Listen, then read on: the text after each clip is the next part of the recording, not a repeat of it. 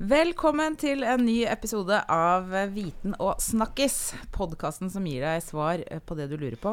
På livets vei mellom stresslessen og blåsviks. Viten og snakkis. snakkis. Pod -pod Podkast fra Joa. Viten og snakkis. Jeg heter Kjersti, og dagens episode den har jeg gleda meg til å lage lenge. For i dag så skal det handle om norsk design, og det syns jeg er morsomt. Og kjære kollega Halvard, veit du da hva stressless og blåsviks har til felles? Eh, har de noe til felles? Altså, det måtte eventuelt være at eh, begge reduserer stress, angst og glatt underlag, kanskje? ja, det kan du si. Begge disse her, dette er jo produkter, og begge disse produktene er med på en rykende fersk liste over de 100 beste eller mest eh, betydningsfulle norske eh, designene gjennom tidene. Og dette er et prosjekt som er et samarbeid mellom A-magasinet og designsenteret Doga. Det ble presentert i går, og hele dagens A-magasin er jo bare helt viet til norsk eh, design. Eh, og da er det en glede å ha med oss deg i studio. Gunnar H. Gundersen, du er leder for Institutt for produktdesign her ved HiOA. Og du satt faktisk i juryen som kåret disse 100 designene. Velkommen. Takk, takk. Ja. Og så har vi også med oss i studio Liv Klakegg Dahlin fra Institutt for estetiske fag her ved HiOA. Og du var også på lanseringa i går. Ja, det var morsomt. Ja, Det skal vi få høre mer om. Jeg tenkte jeg skulle bare høre med deg først, eh, Gunnar. Eh, var dette en vanskelig jobb? 100 beste norske designere? Ja, det var, det var vanskelig. Det var krevende. Vi holdt på lenge. Og det var en fantastisk jury, da. Så vi hadde det jo, vi hadde det jo kjempemorsomt. Mm. Så egentlig så hadde vi lyst på å fortsette. Så vi, vi planlegger å ha fiktive jurymøter da fremover. Uoversiktlig fram... Nei, uoversiktlig ja, ja, ja, fremover. Men 100, liksom altså 100 er et stort tall. Det er mye. Nei, det var liksom 100 beste norske design i løpet av de siste 100 år. Okay. Så det er sånn tidsaspekt i den juryeringen her, da. Så vi prøvde å finne eksempler gode eksempler helt fra 20-tallet, da, eller 1917 og fram til 2017. Ja. Men nå som vi har to eksperter, her, kan dere forklare meg hva er design? Design er Det er jo mange som forsøker å definere det, men det kanskje viktigste er eh, Man kan si det er en sånn problemløsing. Løse problemer. Så det mm. handler jo ikke, det handler jo ikke om nødvendigvis hvordan ting ser ut, men uh, hvordan fungerer, hvordan uh, løser problemer. Det tror jeg kanskje er uh, en grei definisjon. Ja. Uh, for da innbefatter det ikke bare fysiske objekter, men det innbefatter måter å forholde seg til folk på, måter å løse interaksjonsting mellom folk. Men vil ikke det da si egentlig at alt er design? For at nå, altså Designbegrepet er jo liksom blitt veldig trendy de siste åra. Alle skal ha design sofaer og design ditt og design datt. Og det, jeg får sånn inntrykk av at det begrepet blir misbrukt litt. Hva er design, og hva er ikke design? Ja. Liv, du, Alt, ja. ja, du er jo designhistoriker. Men, ja, eller kunsthistoriker. Men, men, men, jeg tenker at før så har vi jo kanskje snakka om at design er sånn type formgivning. At det er formgivning av stoler og bord og, og ting vi har rundt oss. Og så har det blitt utvida til å være mye, mye mer. Eh, og det er jo det du henviste til når ja. du jeg tenker også, at, det problem, at det er en problemløsning. Ja, fordi går, jeg tror det er også tilnærmingen til det. Altså Det er en metodikk der som er eh, ganske spesifikk da, for dette faget. Mm. Som også brukes i mange sammenhenger. Mm. Så jeg tror, Og det handler om altså brukerorientert. Eh, det handler om tverrfaglighet. Å jobbe ja. med ulike altså Designer kan jo kommunisere med alle grupper. fra brukeren til produsenten. Så det er, en, det er en, slags sånn samlende faktor mm. som kan uh, være med på å lage bedre tjenester og objekter og produkter. Mm. Ja. Og så tenker jeg at det er, det er noe med at uh, det er lett å begynne å snakke om hva som er god og dårlig design. At det blir en sånn merkelapp. Uh, at når alle vil eh, bruker begrepet og sånn type designkjøkken og design, det, det blir sånn dobbelt opp av bruk av, av begrepet da, på at det er eh, at, at det skal være god design eller dårlig design. Altså Vi begynner å bruke ord på forskjellige måter, og så eh, sier det egentlig ikke så mye om hva det er. Nei.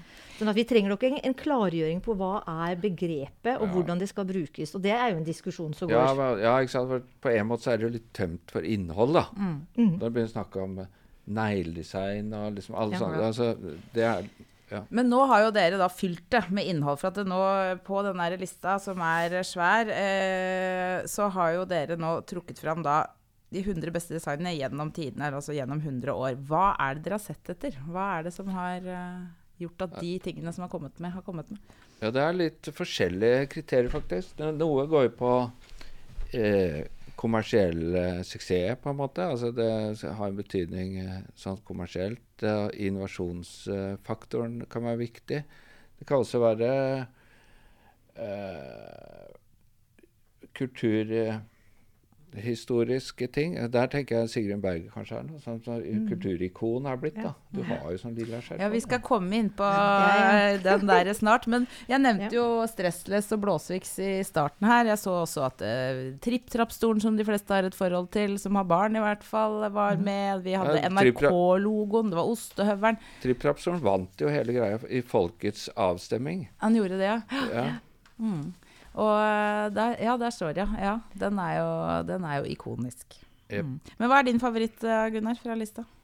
Jeg har så mange. Jeg syns det er veldig vanskelig å pelle ut én, da. Jeg sier to, da. jeg venter Jeg venter litt med det, da.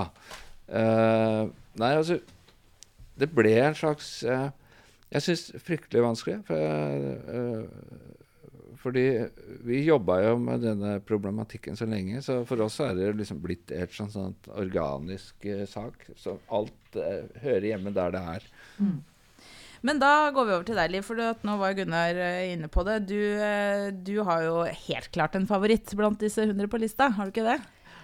Eller jeg har i hvert fall en favoritt som jeg jobber med, men om det skulle være den som skulle vinne hele Nei lista her er det var den jeg tenkte på. Ja, jeg skjønner.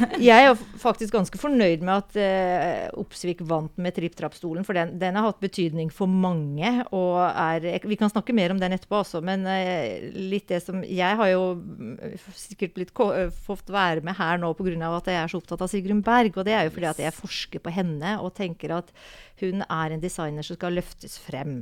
Og det er jo litt av kjernen her i forhold til at, at eh, disse listene her, det er, jo, det er jo mange som har glemt også. Og hun er en av de, så derfor så ble jeg veldig glad når de faktisk tok med henne også. Så det er jeg glad for. For å oppklare for lytterne, da, så Sigrun Berg er altså en eh, norsk eh, tekstilkunstner, rett og slett, som står bak dette lilla sjalet som da var med, var et av disse produktene som var med i denne lista.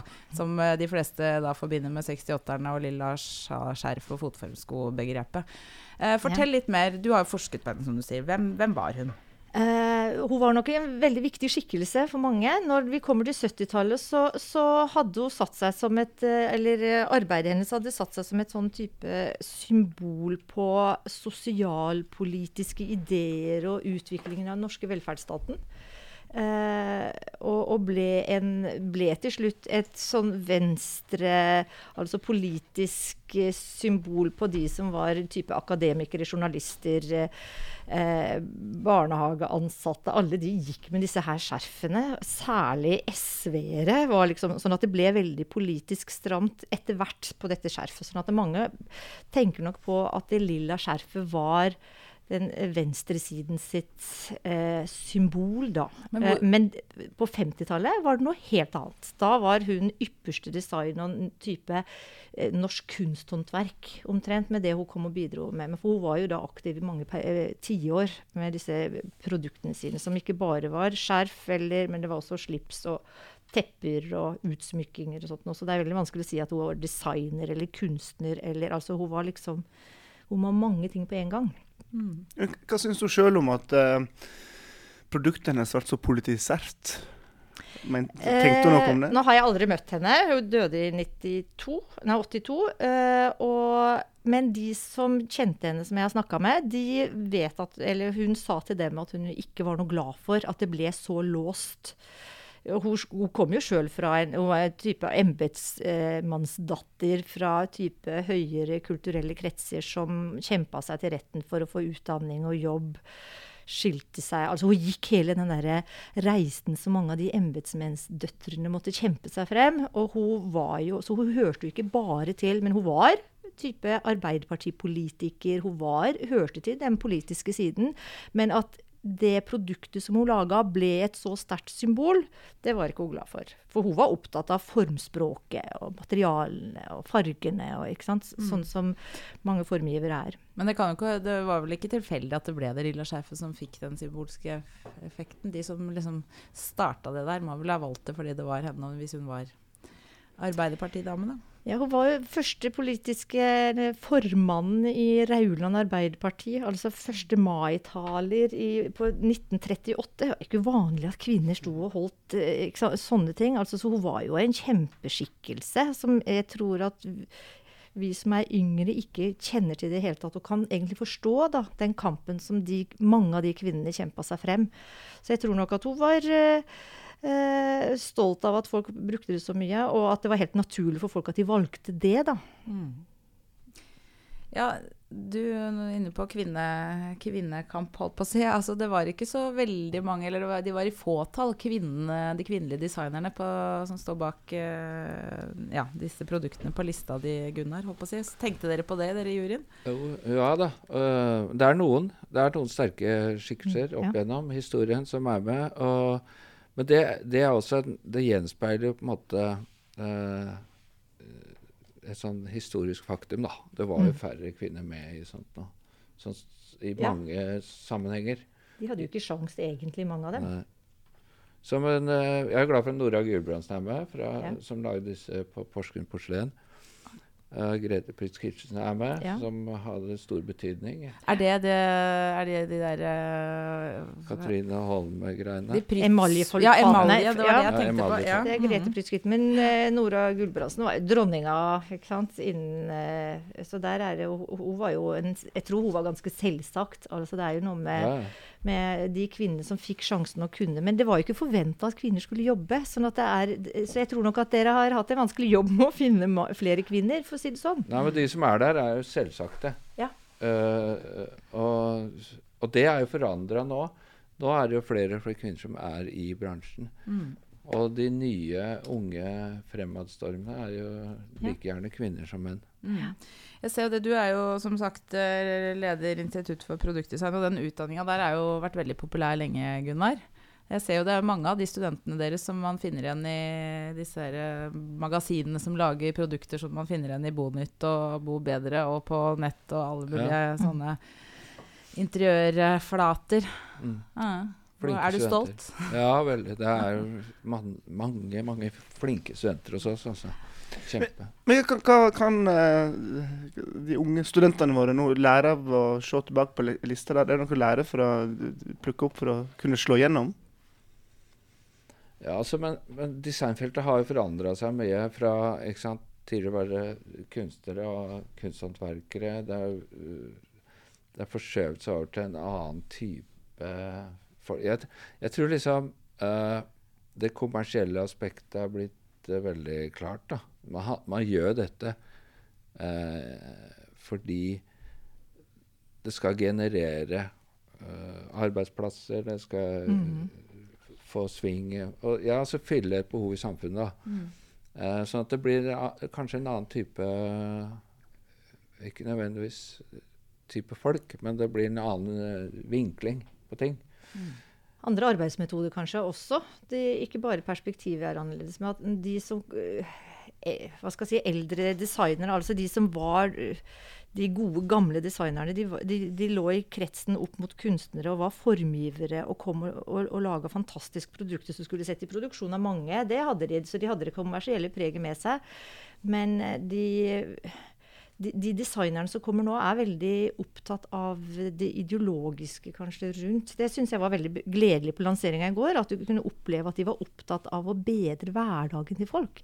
De er opptatt av miljø. De er opptatt av altså, eh, viktige ideologiske utfordringene som vi står overfor. Hvordan eh, altså gjøre det bedre for mennesker rundt. da, Gjennom de, om det er lys eller om det er eh, eh, tilpassing av gangveier eller ikke sant? At det, de har veldig hva skal jeg si, ja, De var veldig bevisste. Det, Ja, og det det syns liksom, jeg er gledelig gledelig. Ja, et større sånn eh, samfunnsperspektiv, da. Ja. Det vil jeg si. Um, um, og det, det, det også gir jo en bredere uh, et bredere område for designerne å operere på, tenker jeg. Altså, for de går inn i helt andre, nye kontekster som vi ikke gjorde før. Før var det man lagde ting, dingser. Mhm. Og nå eh, løser man helt andre problemer. Eh, Det var jo en robot som ble presentert i går, som er denne AV1-roboten, som da faktisk hjelper mange barn ut av isolasjon. Altså den som de kan ha med seg i klasserommet og, og, og, og ta, være der i stedet for det eh, barn som er langtidssyke i perioder. Og at det faktisk kan hjelpe et barn til å ha kontakt med omverdenen. Eh, faktisk kunne ikke bare kommunisere med vennene sine, men også kunne få kommunisert eh, ikke verbalt, da, men det blir jo verbalt Jo, gjennom denne altså, roboten. De ikke sant? deltar jo på, Ja. i, på skolen, da, så de er med i klasseværelset. Men hvilken grad da For da, når du sier det nå, og sånn som du var inne på i stad, Gunnar, at design er jo mer enn bare ting, det er jo Mm. løsninger sånn, Da, da er- grenser det opp mot uh, teknologi og innovasjon og ja, Jo, jo. teknologisk Ja. utvikling, egentlig. Da. Helt klart. Mm. Helt klart. Men, men det som er interessant, er hvordan de eh, har med seg et eh, Og det er det du snakker om når du sier arbeidsmetoder. En, en måte å se på hvordan Altså en metodikk da, for å kunne løse de problemene. Og så er teknologien henter de når de trenger den. Mm.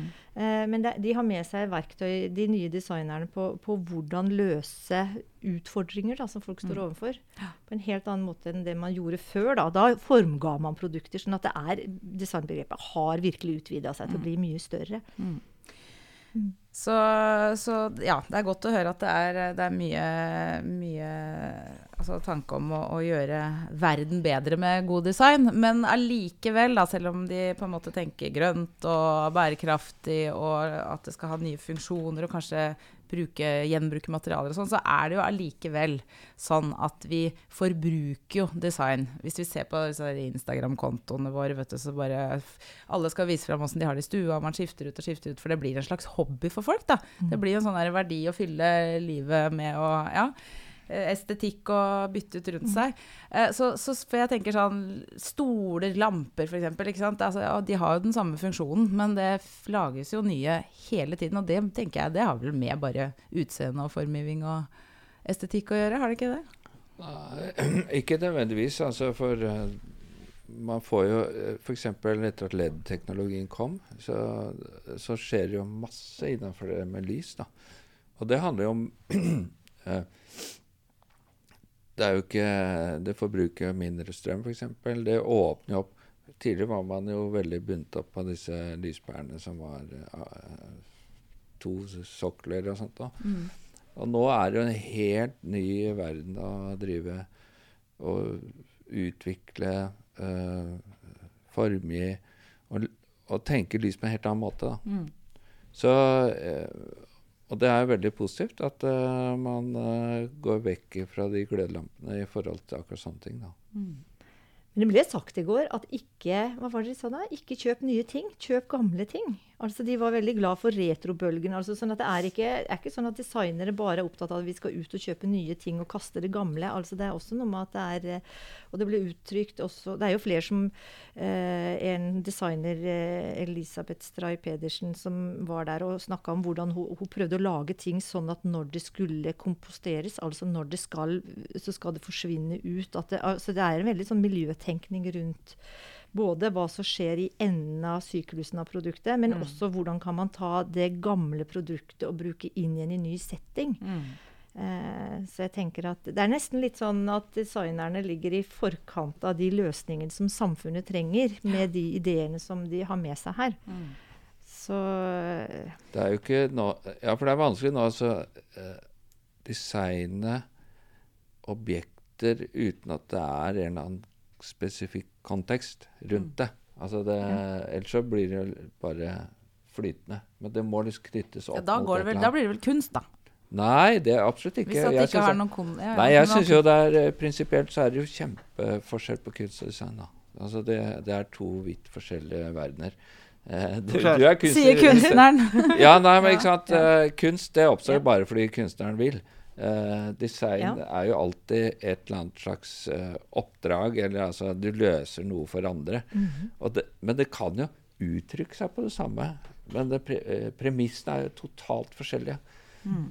Det diskuterer vi litt rundt Ja, forbi. ja. Ja, det er men jeg, jeg er veldig Altså det uh, Hva, hva er diskusjonen der? Nei, men ikke sant Jeg tenker at man bruker Det er en, en del sånn sammenfallende virkemidler, da, for Mm. Altså man jobber med estetikk, eksempel. Ja, det, ja, man jobber konseptuelt, det gjør jo begge grupper. Men, men liksom årsaken og begrunnelsen for at ting oppstår, det ligger forskjellige steder. Designeren ligger utafor designeren. Hos kunstneren ligger det i kunstneren. Og det er kunstnerens eh, Det er fordi kunstneren vil gjøre et kunstprosjekt, så blir kunstprosjekter av det. Og det er nok veldig viktig å holde på den friheten til kunsten. At kunsten kan nettopp være utafor og ikke nødvendigvis skulle være eh, der for å løse et problem eller noe sånt. Det er veldig fint å kunne da veksle over og si at men nå løser vi et problem. Eh, mens eh, kunstneren faktisk har muligheten til å leke med de ideene som ligger i kunsten, da, hvis man skal si det på den enkle måten der. Fordi at vi trenger at noen sprenger de grensene også. Og, men da er vi inne i en helt annen friere sfære når du jobber med kunst, enn når du jobber med design. For da skal du lage et redskap eller noe som noen trenger. Så det er Ja. om det er et løst problem eller Men du, jeg, jeg tror nok det er designere som veksler og tenker at nå Ja, ja. går jeg over i kunsten, og nå har jeg rollen på meg som kunstner, mens nå designer jeg. Og de er bevisste på det. Men det er ikke alltid vi som ser på, er klar over det på samme måte. Nei, nei, men jeg tenker Hvis vi sammenligner med vanlig forskning, så er vel kunstneren er mer sånn grunn, driver med grunnforskning. Mens eh, designeren jobber med opp, uh, anvendt forskning, da, Ja, det er kanskje. Det er i hvert fall en slags Mm. sånn eh, Det er et fint bilde. Ja, det er et fint Ja. bilde. Men um, jeg tenker jo det at selv om designeren skal lage noe som er funksjonelt og, og, og salgbar, så er jo kundene blitt holdt på å si, såpass bevisste i dag at de vil gjerne ha noe som er funksjonelt og godt, men de vil ha noe som ser litt kult ut òg. Og som Jo. har den der Mm. siste Så de er jo sånn sett litt kunstner òg, for du må jo være vanvittig Ja. Nei, men du har jo en slags estetisk kompetanse ja, da, ja. som anvendes i, i forhold til akkurat det du Mm. jobber med. Mm. Jeg bare kom på en ting som du nevnte i stad, sånn historisk sett. For at dette med trender også innenfor design, det, alt dette går jo i bølger, ikke sant. Så er det Mhm. det årstallet som er inne, og så er det 50-åra, og så er det 60-åra, og så var det 1800-tallet, og så skulle alt være luta og gamle Mhm. møbler, og så var det sånn eh, shabby chic og jeg vet ikke hva. Men, eh, men da tenker jeg, sånn som den lista dere lager nå, vil det bli sånn nå at å guri, nå skal alle ha tak i gamle sånne, ja. Tripp-trappstoler. 50-tallet. Ja, nå blir det kjempedyrt. Så hvis jeg nå sitter med to tripp-trappstoler, så plutselig så får jeg solgt dem for eh, tre ganger prisen på Finn enn det jeg kunne. Er det, Jeg vet ikke. har det sånne Ja, det har ikke vi tenkt på i det hele tatt. Har ikke vi tenkt Nei, på men det man ser jo det. Altså Ja, ja. sånn at eh, ja, ga, sånn ting fra litt mer sånn der besteforeldrene mine sine ting, liksom, det var det liksom populært for uh, noen år siden, men nå er det ingen som vil ha det lenger. Så det går vel litt sånn i bølge. Du ser jo den der loppemarkedtrenden nå, for alle skal finne liksom de skattene. Mm. Jeg tenker at det går akkurat de rekker å komme på loppemarked. Du har akkurat kasta det som bestemora di hadde. Mm. Da kommer de inn igjen i type eh, at du ønsker å ha det. Katrine Holm-kasserollene rakk akkurat å forsvinne ut av, ut av bestemor sitt eh, kjøkkentype. Da, eller at det er akkurat i den overgangen at du fikk det med deg, og at du begynner å sette pris på det som var en viss periode tilbake. Sånn at nå det, har en god stund vært type teakmøbler og 50-tallet og, og, og sånn. At det er eh, Jeg tenker det kan jo veldig godt hende at vi snart går over til de tingene som er på 60-tallet. At man nesten kunne si ja, men da kommer det, da. Mm. Og det er jo noe med at det er å, å ta frem de tingene som en gang var, som du ser er så godt formgitt. Mm. Det er, og det er jo de fineste tingene som blir tatt vare på. Ja. Så det er jo noe, og det henger jo til, faktisk sammen med det, mye av den lista som dere har her, at de, de, det kommer tilbake. Men så er det noen produkter som har vært der hele tiden. Tripp-trappstolen har jo klart å være der hele veien. Ja, For den finner du vel ikke så ofte på loppemarked, for den er liksom så het at den, er ingen, den sparer du på til du skal bli beste besteforelder. det er ingen som kvitter seg med den. Nei, ikke sant. Og i så fall så springer de etter den. Ja. Det er den de springer til først. Så det er, det er veldig morsomt at det er et sånt produkt som, som eh, ble laga, ble så ikonisk. Altså at han traff Ja. så godt uh, oppsvik med den der. Mm. Uh, Ja, den er jo overalt. Ja. Globalt. Den er jo solgt. Men Men han sa noe veldig interessant i går som dere kanskje ikke vet om, om hvordan da Stokke fabrikker, som da er eh, de som produserte den, klarte å bevare åndsverket hans. eh, og klarte å beskytte tripp-trapp-stolen, sånn at den finnes ikke i kopier. Altså De har klart å holde det eh, Og det har, de, det har kosta de mye penger å gjøre. For de, alle de andre sånne, eller sånne kjente internasjonale designikoner er eh, veldig ofte kopiert. Og, og det finnes, du kan få billige kopier av dem, men, mens eh, tripp-trapp-stolen kan du ikke det. Den er laga på Stokke fabrikker. Ja, den, Men går det an å kopiere design eh, så at det blir like godt som originalen? altså, øh, ja, det er klart det. De, de kopiene av disse ikonene fungerer jo på samme måte. Ja, de gjør det. Så der handler det om rettigheter og Mm. beskyttelse av Men håndverk. Der kan jeg ta en morsom historie om Sigrun Berg. For det, det, hun var den eneste i Norge som klarte å få tak i så, så bra garn. Eh, fordi at hun importerte det fra England, så alle som prøvde å lage kopier av skjerfene hennes, de klarte ikke å få de så tynne og så fine. Så eh, man kan se i dag hva som var hennes skjerf, og hva som er eh, Jeg tror jeg, jeg klarer å lese nå at nei, dette er en kopi, dette er en kopi. Og det var jo bøttevis med kopier. Det var jo bare sånn som jeg gjorde. Hun var nok litt eh, oppgitt over akkurat det. Hun diskuterte en del den mønsterbeskyttelse og patent. Og, Men det var, det var ikke så vanlig da. Da var det sånn at når man gikk på messer, så hadde tekstilfolk de hadde jo med seg saks, og så klipte de av konkurrentene sine. Sånn. Det gjør man ikke i dag. Ikke sant? At vi har en helt annen bevissthet i forhold til det å kopiere og åndsverk. Så det, det er jo noen utviklinger som går fremover, da, for å si det sånn. Er de sjalene i salg enda, eller er de populære nå? Eller? De, eh, har, det har vært diskusjon med familien om man skal prøve å sette i gang produksjonen, men det er jo akkurat det det er så vanskelig. For de, er jo hånd, de var håndvevde alle sammen. Eh, Sigrun prøvde også å starte eh, maskinproduksjon av dem, fordi at men det, ikke samme, det er ikke den samme kvaliteten. Så de eldste skjerfene som da er håndproduserte, de er bedre enn de andre. Men det er finn.no. Der finner du en del. Så der har jeg kjøpt masse skjerf. Så det, men du får ikke i butikker eller Og jeg tror det er vanskelig å få til en produksjon, nystart av den produksjonen. Så det, det hadde vært veldig fint om noen klarte å lage, eh, starte produksjon. Men da må jo de snakke med familien. Har du en sånn kjempesamling sjøl, eller? Vi har jo på Est, på instituttet der nede, har vi jo en historisk samling. Og der har vi et eget Sigrun Berg-rom. Der er det både vevstoler fra vevstuen, så jeg samler på alt dette her. Og vi har gammejakker, og vi har gardinene fra Asker rådhus. For der, hun, hadde jo ut, hun hadde alle tekstilene i Asker rådhus. Og vi har eh, ja, hva skal jeg si? Ja, det er tepper, og det er, det er mye. Masse. Så jeg samler til jeg skal lage en utstilling av det. Ja, ja. Så bra, da. Ellers er det jo mange av disse ikonene som fortsatt er i produksjon. Som er gamle. Luxolampen, Maya-bestikket tror jeg fortsatt er i produksjon. Noen blir relansert. Eh, så at det, det er jo en- del som fortsatt er reelle eh, produkter, kan du si, da, som Ja. produserer. Du tenker på eh, litt sånn mot slutten her Kristen, Denne lista med 100 design, hvordan står den seg eh, internasjonalt? Ja, Det er et godt spørsmål, da. Det, uh, nå er jo ikke Norge Norge er jo ikke eh, designikonenes hjemland sånn internasjonalt sett. Eh, men noen av disse er jo virkelig store internasjonale. Trippelrastatoren er jo det. Den går, den går jo som hakka møkk fortsatt eh, rundt omkring i verden. Eh, eh, Luxolampen er jo eh, et slags forbilde for alle sånne typer lamper, som er blitt eh, også forsøkt eh, kopiert, da. Eh, så noen Jeg tenker også skipsfarten, den som ble nummer to. Den, Ja. den, Hva var det for noe? ja, det er den båtkonstruksjonen her.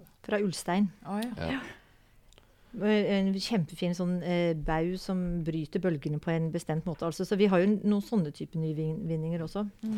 Men er jo en ja. Ellers så ble jo den telefonen da, ble jo på en måte selve ikonet på en moderne telefon. Ja, hva Eh, het den igjen, den svarte Ja, Ja, Bakelittelefonen. mm. Jean Heiberg som eh, formga Han var kunstner. Ja. Eh, og det var jo sånn at det, det holdt seg jo helt fram til mobiltelefonen som ikon. Ja. I Donald Duck så var jo telefonen var en sånn en. Ja. Helt fram til nå i de seinere åra. Så på en måte så sier vi at det er jo ja, det, eh, Skandinavisk design er den, eh, særlig den danske, og vi norske har ikke vært, vært så mye med. Vi har våre ting der vi også, som vi har klart å bidra med. og og type nyvinninger. Og, og det har jo tradisjonelt vært på disse messene. Det er jo sånn innenfor design at du, skal, du må ut på disse messene og, og konkurransene og sånt, og vise deg frem. Og sånt. Og Norge har jo klart å hevde seg. Eh, og noen ting, noen ting sitter igjen, sånn som, de, som Gunnar nevner. Og så er det Selvfølgelig så skulle vi ønske at vi fikk enda mer kred, for det er elementer her. Så vi er ikke helt Vi er ikke, vi er ikke bare dårlige på design. Jeg syns ikke det. Altså, vi får et sånn ufortjent sånn dårlig eh, rykte på at vi har- ikke har produsert god design. Og det syns jeg Det fortjener ikke Norges designrett. Det, så det, kanskje denne lista kan hjelpe til med akkurat det. Og Ja. det vil jeg tro. Benedicte var jo veldig lidenskapelig i forhold til den der tommelautomaten på Ja. åpningen i går. Og den er også en sånn eh, global sak, da. Men jeg gir meg ikke. altså Nå har vi nærmer vi oss slutten, men jeg gir meg ikke før jeg har fått uh, Gunnar til å innrømme at stresslesen er favoritten din på lista. er det det, Nei, Gunnar? nei, det er den faktisk ikke. Uh, men det er viktig at den er med, fordi den har jo vært en enorm suksess, da.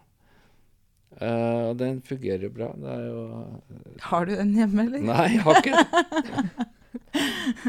Nei vel. Men vi har eh, Capisco-stolene som kontorstol hos oss. Ja, de er fine. Og de ble jo forberedt da på I 84 kom den. Og den har jo, selger jo mer og mer nå, den. Ja.